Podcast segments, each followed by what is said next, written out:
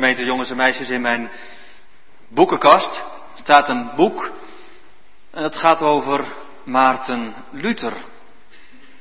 In dat boek wordt beschreven het leven van Luther. En van alle kanten wordt, wordt verteld wat Luther heeft meegemaakt.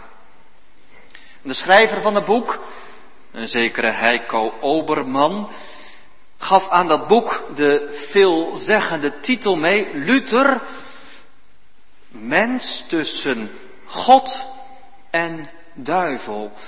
Luther, een mens tussen God en de duivel.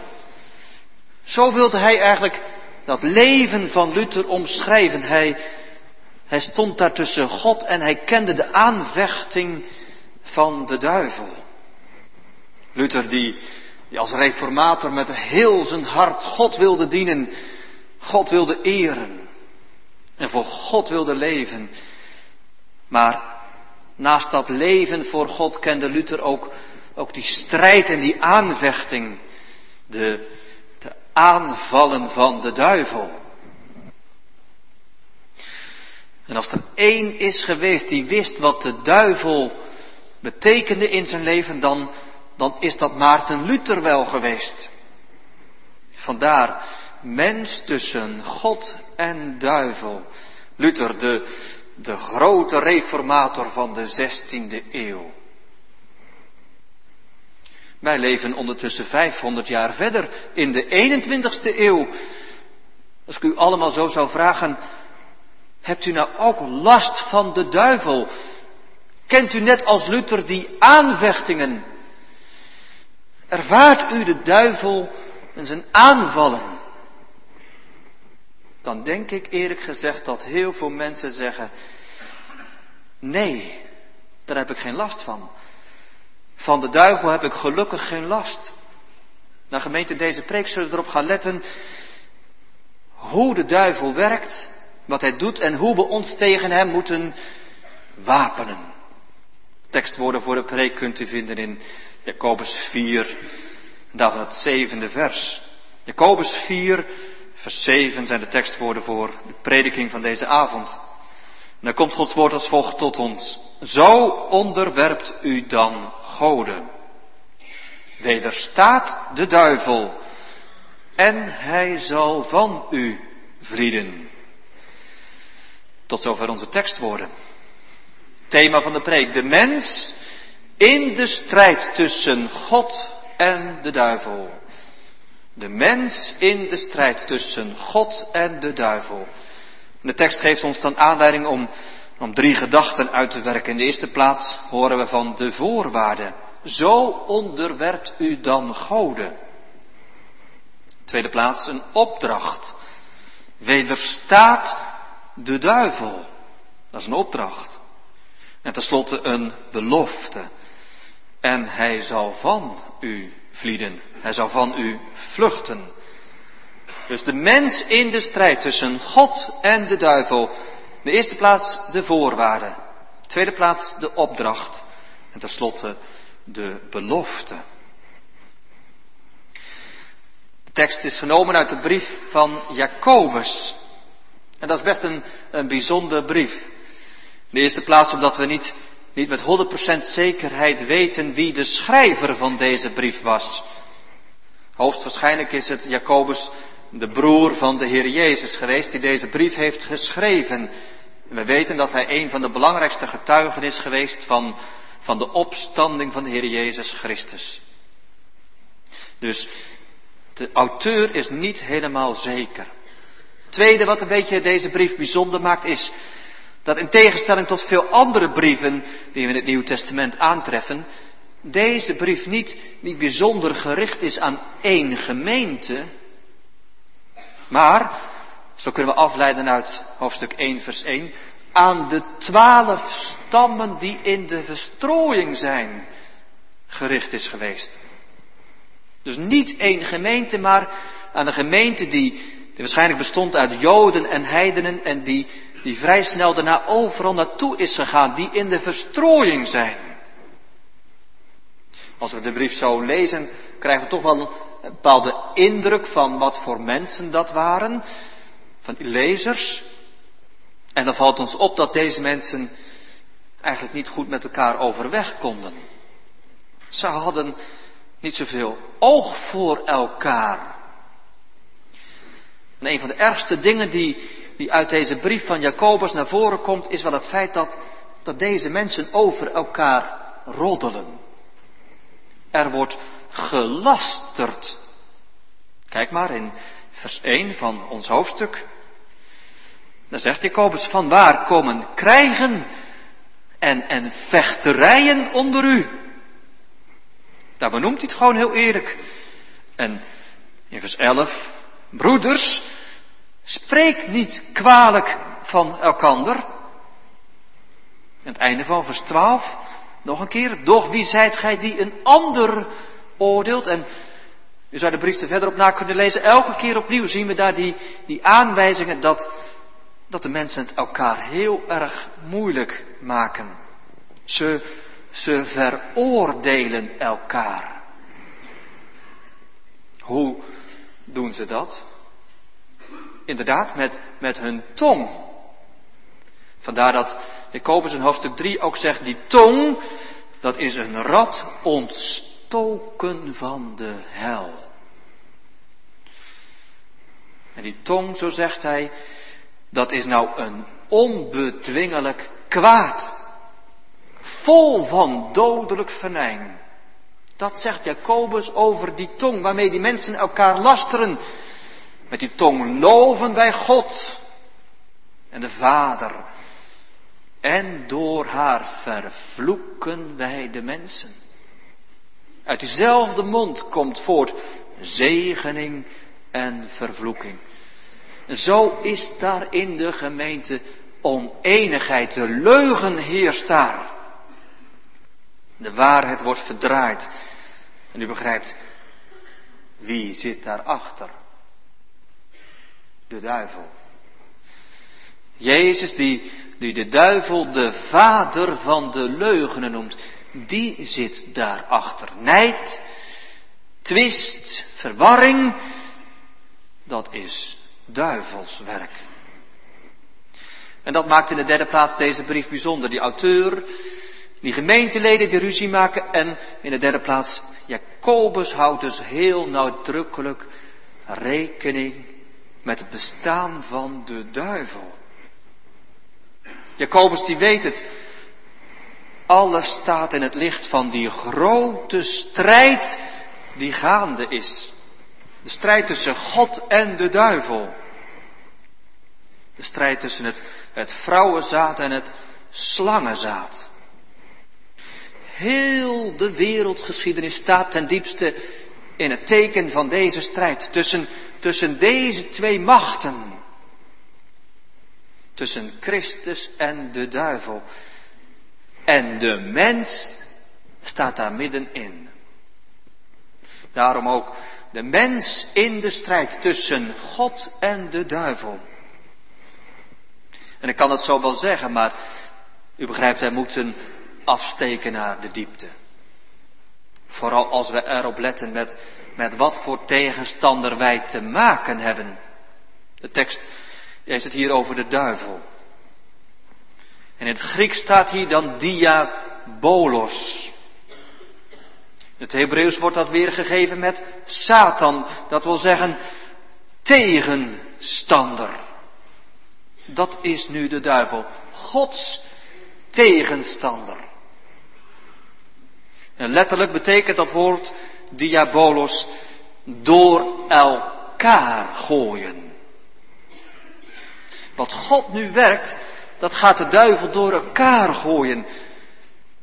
En dat woord heeft ook, ook te maken met, met aanklagen, met haten wat van God is.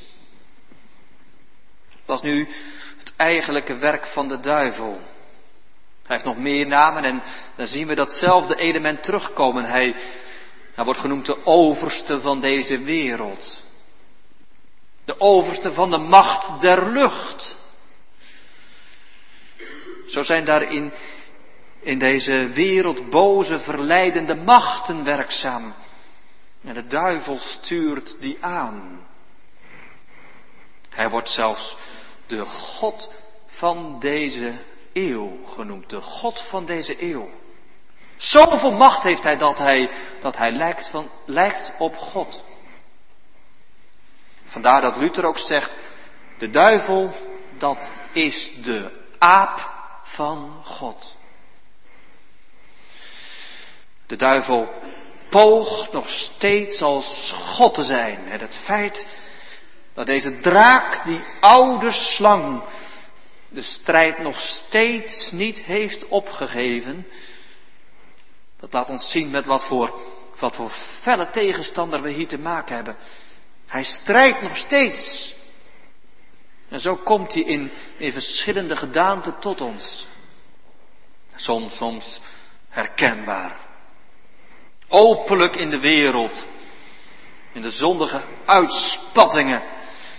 Waar hij regeert in de basis. Dan gaat hij rond als een, als een briesende leeuw, zoekende wie hij zou kunnen verslinden. Ik denk wel aan de houseparties. In de drugs. In de popmuziek. En zo verslaat hij zijn duizenden. En hij weet zijn prooi aan te vallen en, en mee te nemen. Maar ook op, op kerkelijk terrein is de duivel actief. Vergeet dat niet. Hij komt dan als een engel des lichts en met valse leugens en ketterijen weet hij mensen ook mee te nemen. En vooral zien we in deze brief dat de duivel ook bezig is om, om twist en tweedracht te zaaien. In de, in de christelijke gemeente. Zodat zelfs kinderen van God elkaar zwart maken en elkaar belasteren. Zo is de duivel bezig. In het geheim en niet zo opvallend, maar toch heel sluw en slim is hij ook op kerkelijk bezig.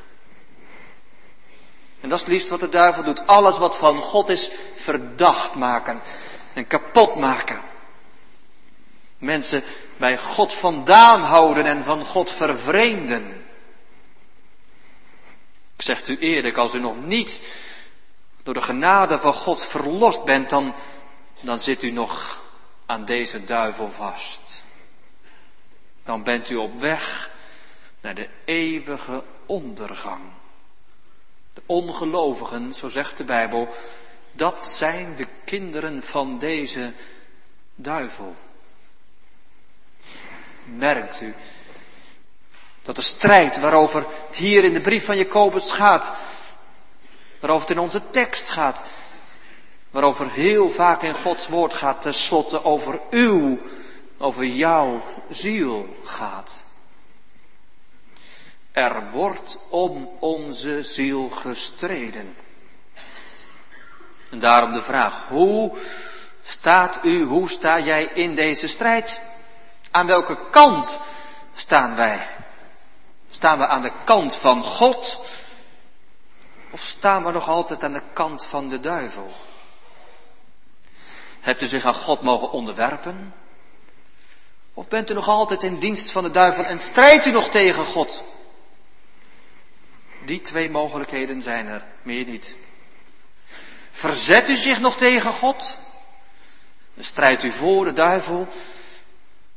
Of hebt u zich aan God onderworpen en, en verzet u zich tegen de duivel? Verzet u zich nou nog altijd tegen God en zijn genade, zoals die in Jezus Christus door het evangelie tot u komt? Daar roept de tekst eerst toe op. Dat u, dat jij je aan God onderwerpt. Voordat we toekomen aan dat tweede deel, dat weerstaan van de duivel, moeten we eerst stilstaan bij dat eerste deel. Dat mogen we niet overslaan. Voordat wij de duivel kunnen weerstaan, vraagt God dat we ons aan Hem onderwerpen. Zo begint de tekst. Zo onderwerpt u dan goden. Wat is dat dan? Hoe moet het dan? Dan moeten we maar beginnen bij het begin, bij het beleiden van onze schuld. Tegenover God toegeven, ja, we zijn die duivel toegevallen. Terwijl we goed uit uw hand zijn voortgekomen. We moeten beleiden dat wij in Adam gezondigd hebben. Dat we toen een verkeerde keus hebben gemaakt.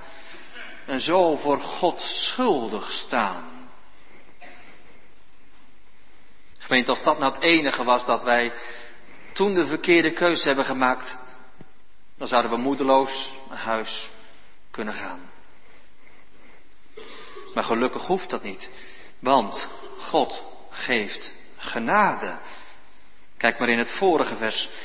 Ja, Hij geeft meerdere genade. Daarom zegt de schrift, God wederstaat de hoogwaardigen, maar de nederigen geeft Hij genade. Hoort u het? God wil genade schenken. Het is dus mogelijk dat we niet langer de duivel dienen, maar dat wij God gaan dienen. Dat we Hem gaan gehoorzamen. Wat betekent dat heel praktisch? Dat is nou het gezag van God in je leven aanvaarden. God als koning, als gebieder, laten regeren in je leven. Je onderwerpen aan, aan zijn gezag. In bijzonder je toevertrouwen aan de door God geschonken zaligmaker. Met een oprecht geloof. God vraagt onderwerping, toestemming. Met de weg der zaligheid die hij in het evangelie bekend maakt. Dat is alle roem van de mens uitgesloten. Want dan krijgt God de eer. Dan ga je niet langer zelf de baas zijn in je leven, maar dan ga je voor God verootmoedigen, vernederen. En daar roept Jacobus de lezers u, mij, allereerst toe op. En als dat is gebeurd, dan gaat de strijd komen. Als God zo zijn genade heeft verheerlijkt, dan komt daar de duivel op af. En dan is het nodig dat we weerstand gaan bieden. En zo komen we als vanzelf bij onze tweede gedachte. Die opdracht. Wedersta de duivel. Maar voordat we gaan nadenken over wat dat weerstaan is, moeten we eerst iets zeggen. Hoe verleidt de duivel eigenlijk? Hoe komt hij nou tot ons? Want als we hem willen weerstaan, moeten we eerst weten hoe hij verleidt. En als dat helder is, dan kunnen we weten hoe we moeten weerstaan. Nou, wat doet de duivel? Als hij Gods genade ziet, dan gaat hij daarop af. En dan gaat hij verleiden, dan gaat hij, gaat hij aanklagen. Hij zoekt die mensen op en hij gaat ze beschuldigen van hun zonde. Hij, hij wil God verdacht maken. Ik kwam een voorbeeld tegen, dan, dan lijkt de duivel op die mensen die in de Tweede Wereldoorlog de Gestapo werden genoemd. Dat waren mensen die, die overal in de huizen gingen zoeken naar Joden, naar verzetsmensen. En als ze die gevonden hadden, dan, dan klaagden zij die aan bij de Duitse bezetting. En als ze zo iemand gevonden hadden, dan, dan kennen deze mensen van de Gestapo geen sprankje mededogen. Hardvochtig, koud en kil namen ze die mensen mee. En het woordje genade, dat kenden ze niet. Het liefst lieten ze zoveel mogelijk aanklachten bij de overheid indienen. Zodat die mensen zo zwaar mogelijk gestraft worden. Zo doet de duivel dat ook. Dat woordje genade, dat kent hij niet. Hij probeert je zo zwart mogelijk te maken, je zoveel mogelijk aan te klagen. En hij zoekt allemaal beschuldigingen in te brengen bij Gods kinderen. Hij zoekt ze nog steeds tot zonde te verleiden. Herkent u dat in uw leven? Dat de duivel u, verleidt en dat u, de duivel u tot de zonde wil overhalen. Hoe doet hij dat nou?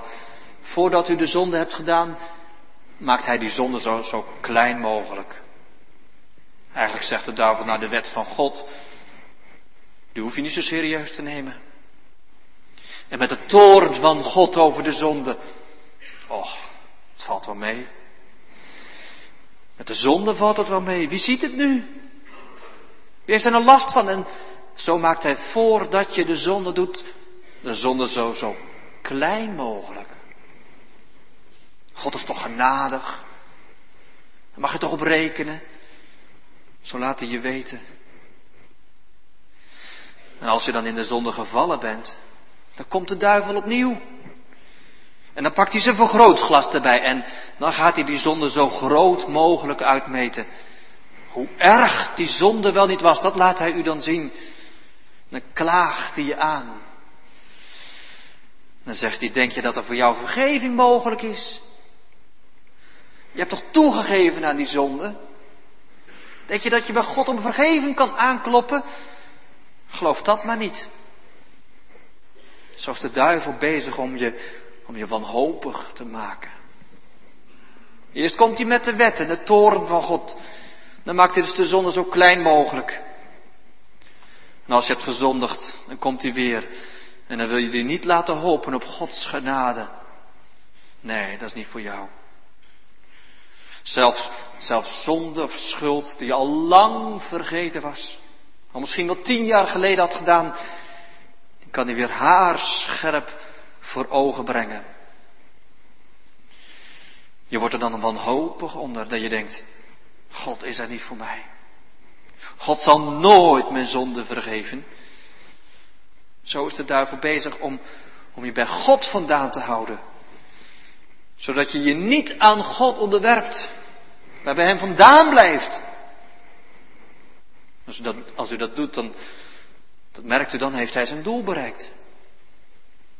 Zo verleidt Hij Gods kinderen.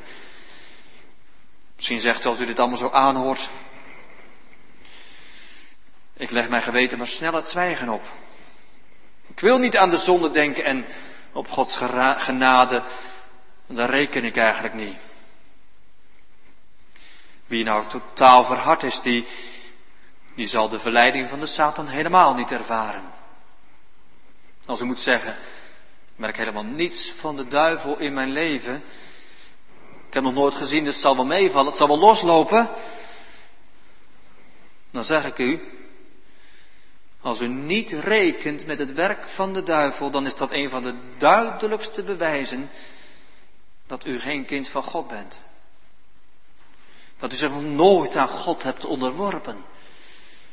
Dat je op weg bent naar het rijk van de duivel, naar de hel. Dat je nog helemaal gevangen zit in zijn strikken. Terwijl je dat helemaal niet door hebt. Maar de duivel die, die verleidt ook heel subtiel. We zeiden er al iets van. En hoe doet hij dat in deze tijd ook in de gezinnen? Hij probeert de wereld in huis te brengen. En hij doet er alles aan om het woord van God te laten wijken uit het leven. Ik geloof dat de duivel juist in, in West-Europa, ook in Nederland, ook in onze gezinnen, al een groot terrein heeft gewonnen. Het geloof in God is afgenomen. En deze leegte die gekomen is, die wordt gevuld met de invloed van de boze. Wat ik bedoel, het occulte. Dat is ervoor in de plaats gekomen. Juist in onze westerse maatschappij is er nog nooit zoveel aandacht geweest voor het occulte. Heel praktisch. Als u zou bijhouden wat er in de jeugdboeken die uitkomen over boze geesten, over heksen, over tovenaars geschreven wordt, dan slaat een schrikje om het hart. En wie een onderzoek zou doen, waar films, waar computerspelletjes over gaan, die zal het ontdekken. Het heeft vaak te maken met het oproepen van geesten, van bovennatuurlijke krachten. Zo is de duivel sluw en slim aan het werk. Ouders, let u erop wat uw kinderen lezen? Wat ze zien, wat ze onder ogen krijgen? Wees daar kritisch in. Zo is de duivel bezig om te verleiden. En zoals we dat helder hebben, hoe hij verleidt, dan kunnen we ons wapenen, dan kunnen we de duivel weerstaan. Weerstaat de duivel. Ga er tegenin. Bestrijd hem. Dat wil het zeggen. Bied weerstand en verzet. Je hoeft de duivel helemaal niet op te zoeken. Hij komt wel naar ons toe. We hoeven hem niet aan te vallen. Hij valt ons aan. En daarom echt weerstand bieden, dat, daar hebben we de handen vol aan. Wederstaat de duivel, dat is nodig. Dat we de duivel niet, niet toelaten, maar, maar tegen hem strijden. Gods woord staat vol met deze oproepen. U kent vast wel dat bekende gedeelte uit Efeze 6, waar het gaat over, over de geestelijke wapenrusting. Twee keer zegt Paulus daar met nadruk dat we de gehele wapenrusting moeten aandoen. Doet aan de gehele wapenrusting Gods, opdat gij kunt staan tegen de listige omleidingen van de duivel. Want we hebben de strijd niet tegen vlees en bloed, maar tegen de overheden, tegen de machten, tegen de geweldhebbers ter wereld. Van de duisternis deze eeuw, tegen de geestelijke boosheden in de lucht. En nog een keer, daarom neemt aan de gehele wapenrusting van God. Opdat gij kunt wederstaan. Dan heb je dat woordje weer. En alles verricht hebbende, staande blijven. Het is niet alleen Paulus die ons daarop toe oproept, maar ook Petrus. 1 Petrus 5.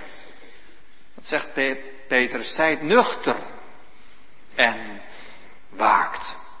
Want uw tegenpartij, de duivel, gaat om als een briesende leeuw zoekende wie hij zou mogen verslinden. De welke wederstaat. En Peter zegt hoe? Vast zijnde in het geloof. Weer hetzelfde woordje, wederstaat. En Peter zegt heel nadrukkelijk, vast zijnde in het geloof. Om, om echt te kunnen weerstaan heb je geloof nodig. Pas dan kun je er tegenin gaan. Alleen door en, en vanuit het geloof kun je de duivel bestrijden. Het staat hier ook in de gebiedende wijs. Het is een opdracht. Het is dus niet, niet vrijblijvend. Zo van, nou we zien wel of we dat wel of niet doen. Nee. Het is een opdracht. Wederstaat de duivel. Dat zegt de tekst. dat houdt ook heel wat in. Als hier die opdracht tot ons komt, houdt het allereerst in dat wij die dreiging van de duivel serieus moeten nemen. Het domste zou wel zijn om deze opdracht niet serieus te nemen. Dat je inderdaad doet alsof de duivel helemaal niet bestaat. Dan lijkt je op zo'n struisvogel die, die gewoon zijn kop in het zand steekt, ook als er het grootste gevaar dreigt. Daarom, deze dreiging van de duivel moeten we serieus nemen. Want hij is nog steeds actief, hij strijdt nog steeds. Zijn macht is gebroken.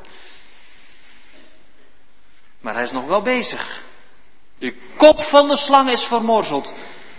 Toen Jezus het aan het kruis uitriep, het is volbracht. De overwinning is zeker. Maar het einde van de strijd is er nog niet.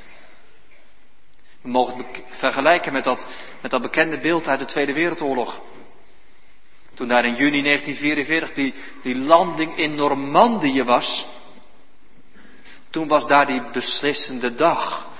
Decision Day, D-Day. En de Duitsers, zij wisten het. Nu gaan we de strijd verliezen. De Engelsen en Amerikanen, zij gaan de strijd winnen. Met eerbied gesproken. Toen Jezus stierf en daarna opstond uit de doden. Toen wist de duivel het. Ik heb het verloren. Maar de kinderen weten het wel. Toen daar die landing in Normandië had plaatsgevonden, was de oorlog toen al voorbij. Nee. Dat heeft nog, nog een jaar geduurd. Voordat daar die overwinning was, voordat daar Victory Day was. Dat duurde nog een heel jaar. En in dat laatste jaar is er nog ontzettend veel gestreden. Want die Duitsers, die gaven zich niet zomaar over. Ze bleven strijden tot het laatste toe. Zo strijdt de duivel nog. Hij weet, ik ga het verliezen. Eens moet ik de strijd opgeven. Maar hij strijdt nog wel. Net zo lang. Totdat Jezus weer komt op de wolken van de hemel. En dan de totale overwinning zal opeisen. Colossense 2.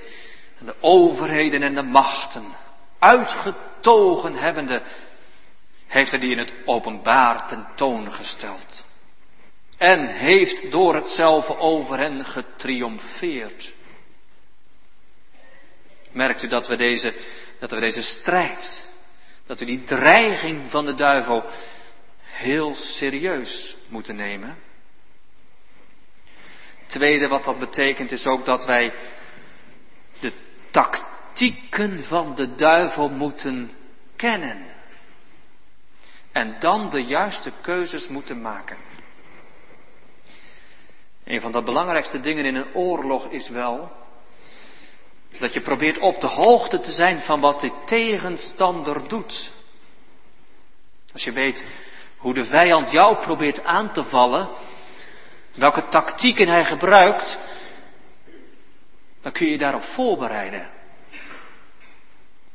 Zo is het ook in deze strijd. Wil je kunnen weerstaan, dan moet je erop bedacht wezen hoe de duivel aanvalt.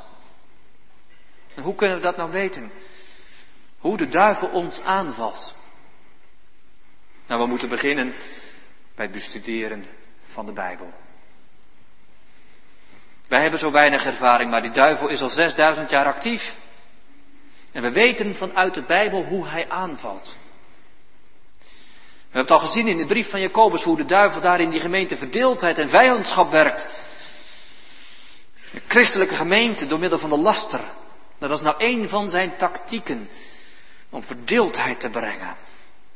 En hij gebruikt het instrument van de tong. Dat is een van zijn machtigste wapenen.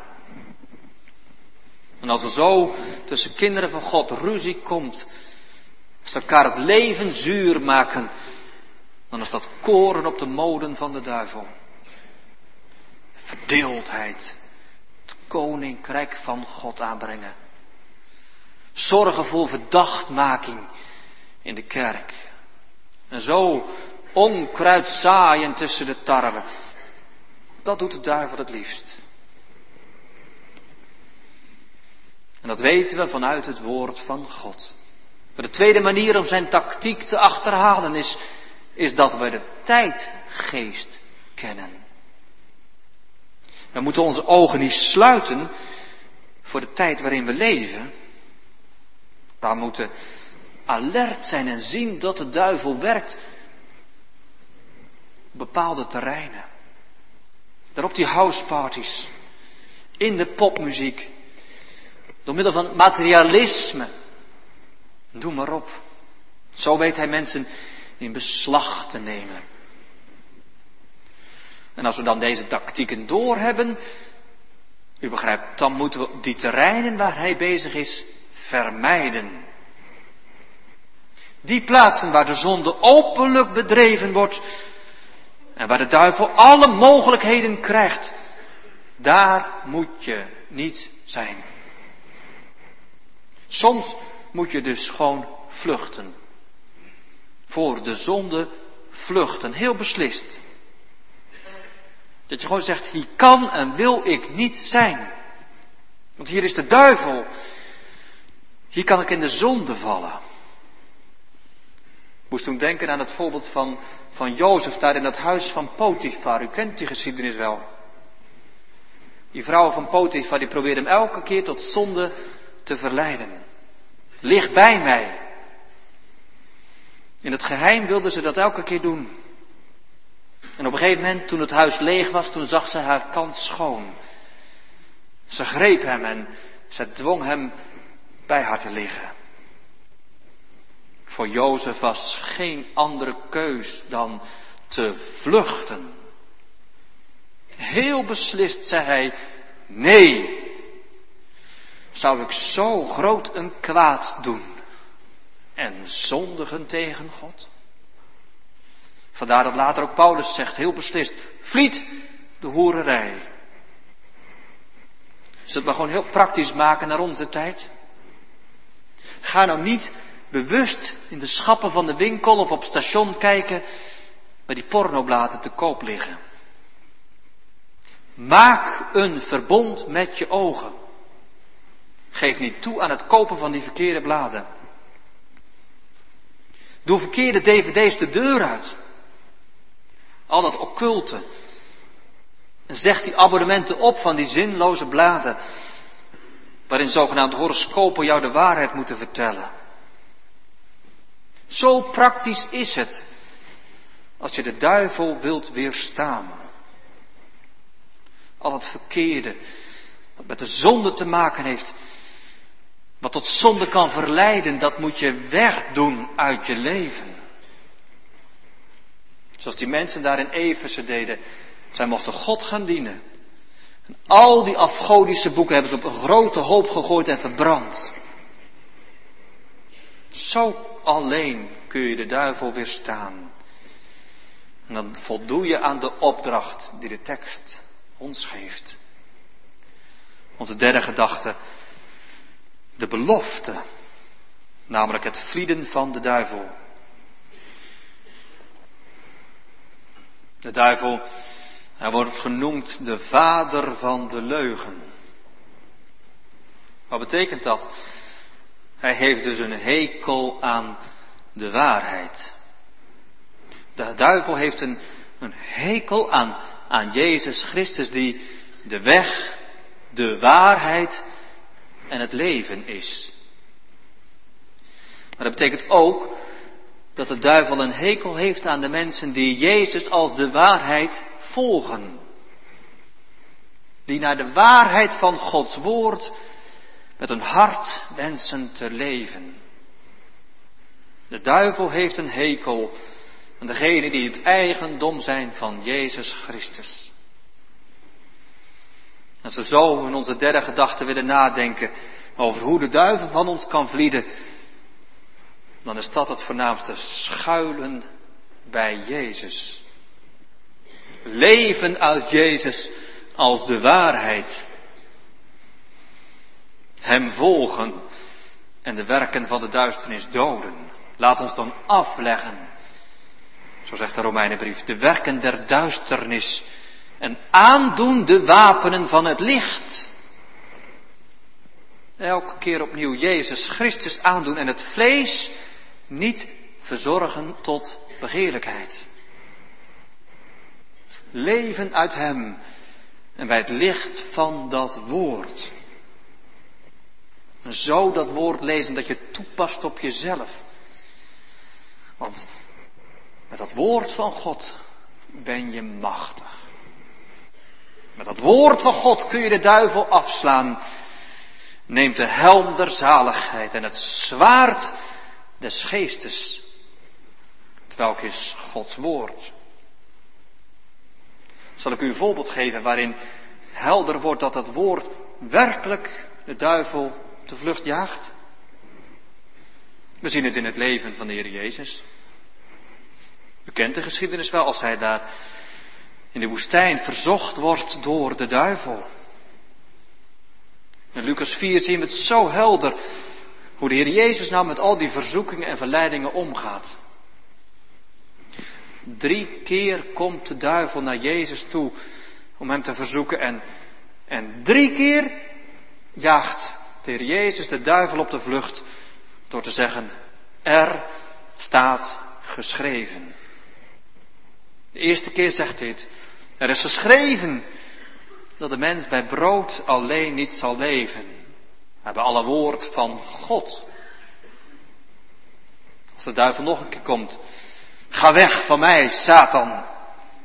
Want er is geschreven.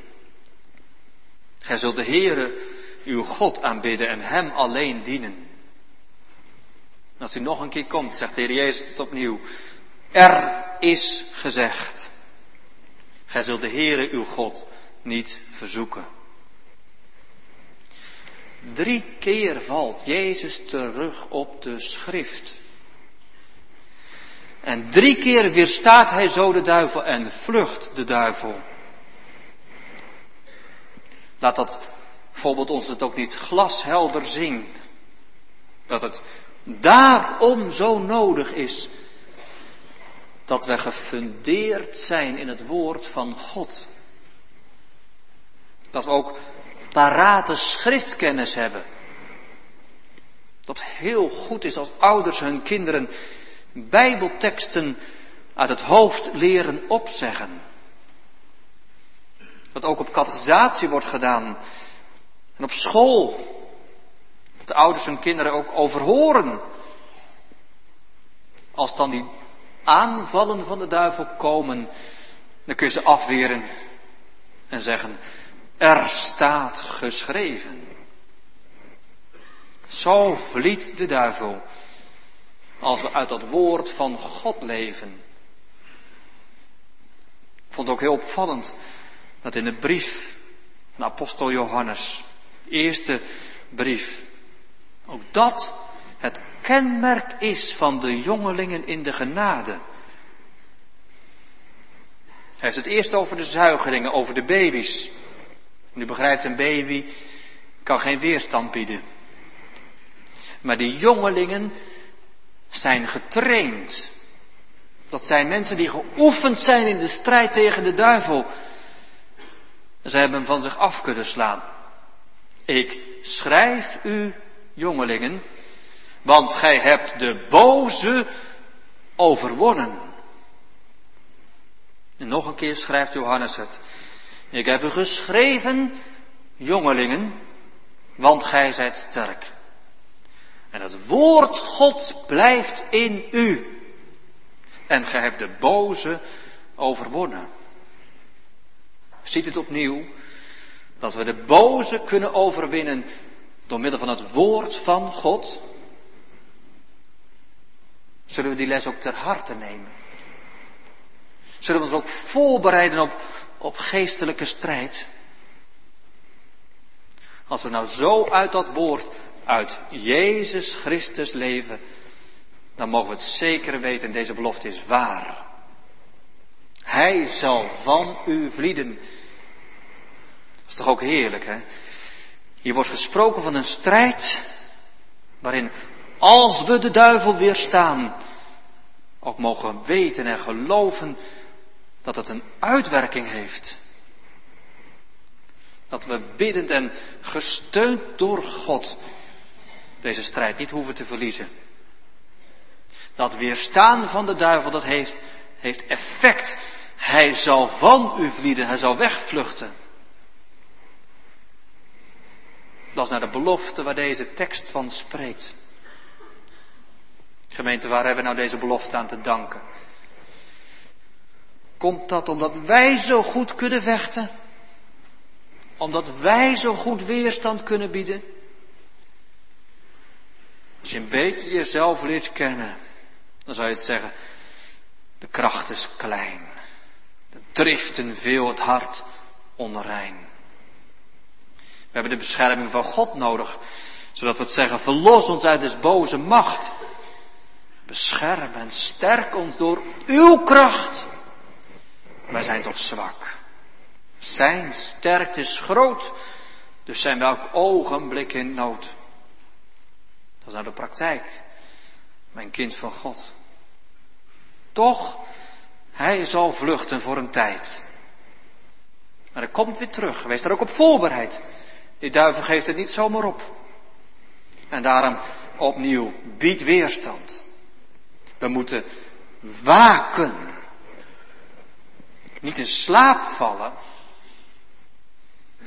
Puritein Ruttefort die zegt het. Omdat de duivel nodig is om de heiligen wakend te houden, heb ik liever een lastige duivel dan een rustige en slapende. Nog een keer. Omdat de duivel nodig is om de heiligen wakend te houden, heb ik liever een lastige duivel dan een rustige en slapende. Een rustige en slapende duivel, die is niet bij Gods kinderen. Maar hij valt altijd weer opnieuw aan. Beter een lastige duivel dan een slapende duivel. Wees daar ook maar op voorbereid. Dat die duivel terugkomt. Daarom jaag hem weg. En hanteer dat zwaard van het geest, van de geest. Zorg dat het scherp is. Dat het niet roest. Maar vooral leef uit Christus. Uit zijn voorbeden. Hij heeft toch de duivel overwonnen. Hij staat er ten diepste garant voor dat u niet opnieuw in zijn klauwen komt. Dat is voor alles nodig, dat we diep geworteld zijn in Christus. En op grond van het gebed wat Hij ons heeft leren bidden, Leid ons niet in verzoeking, maar verlos ons van de boze, zijn we zeker van de uitkomst.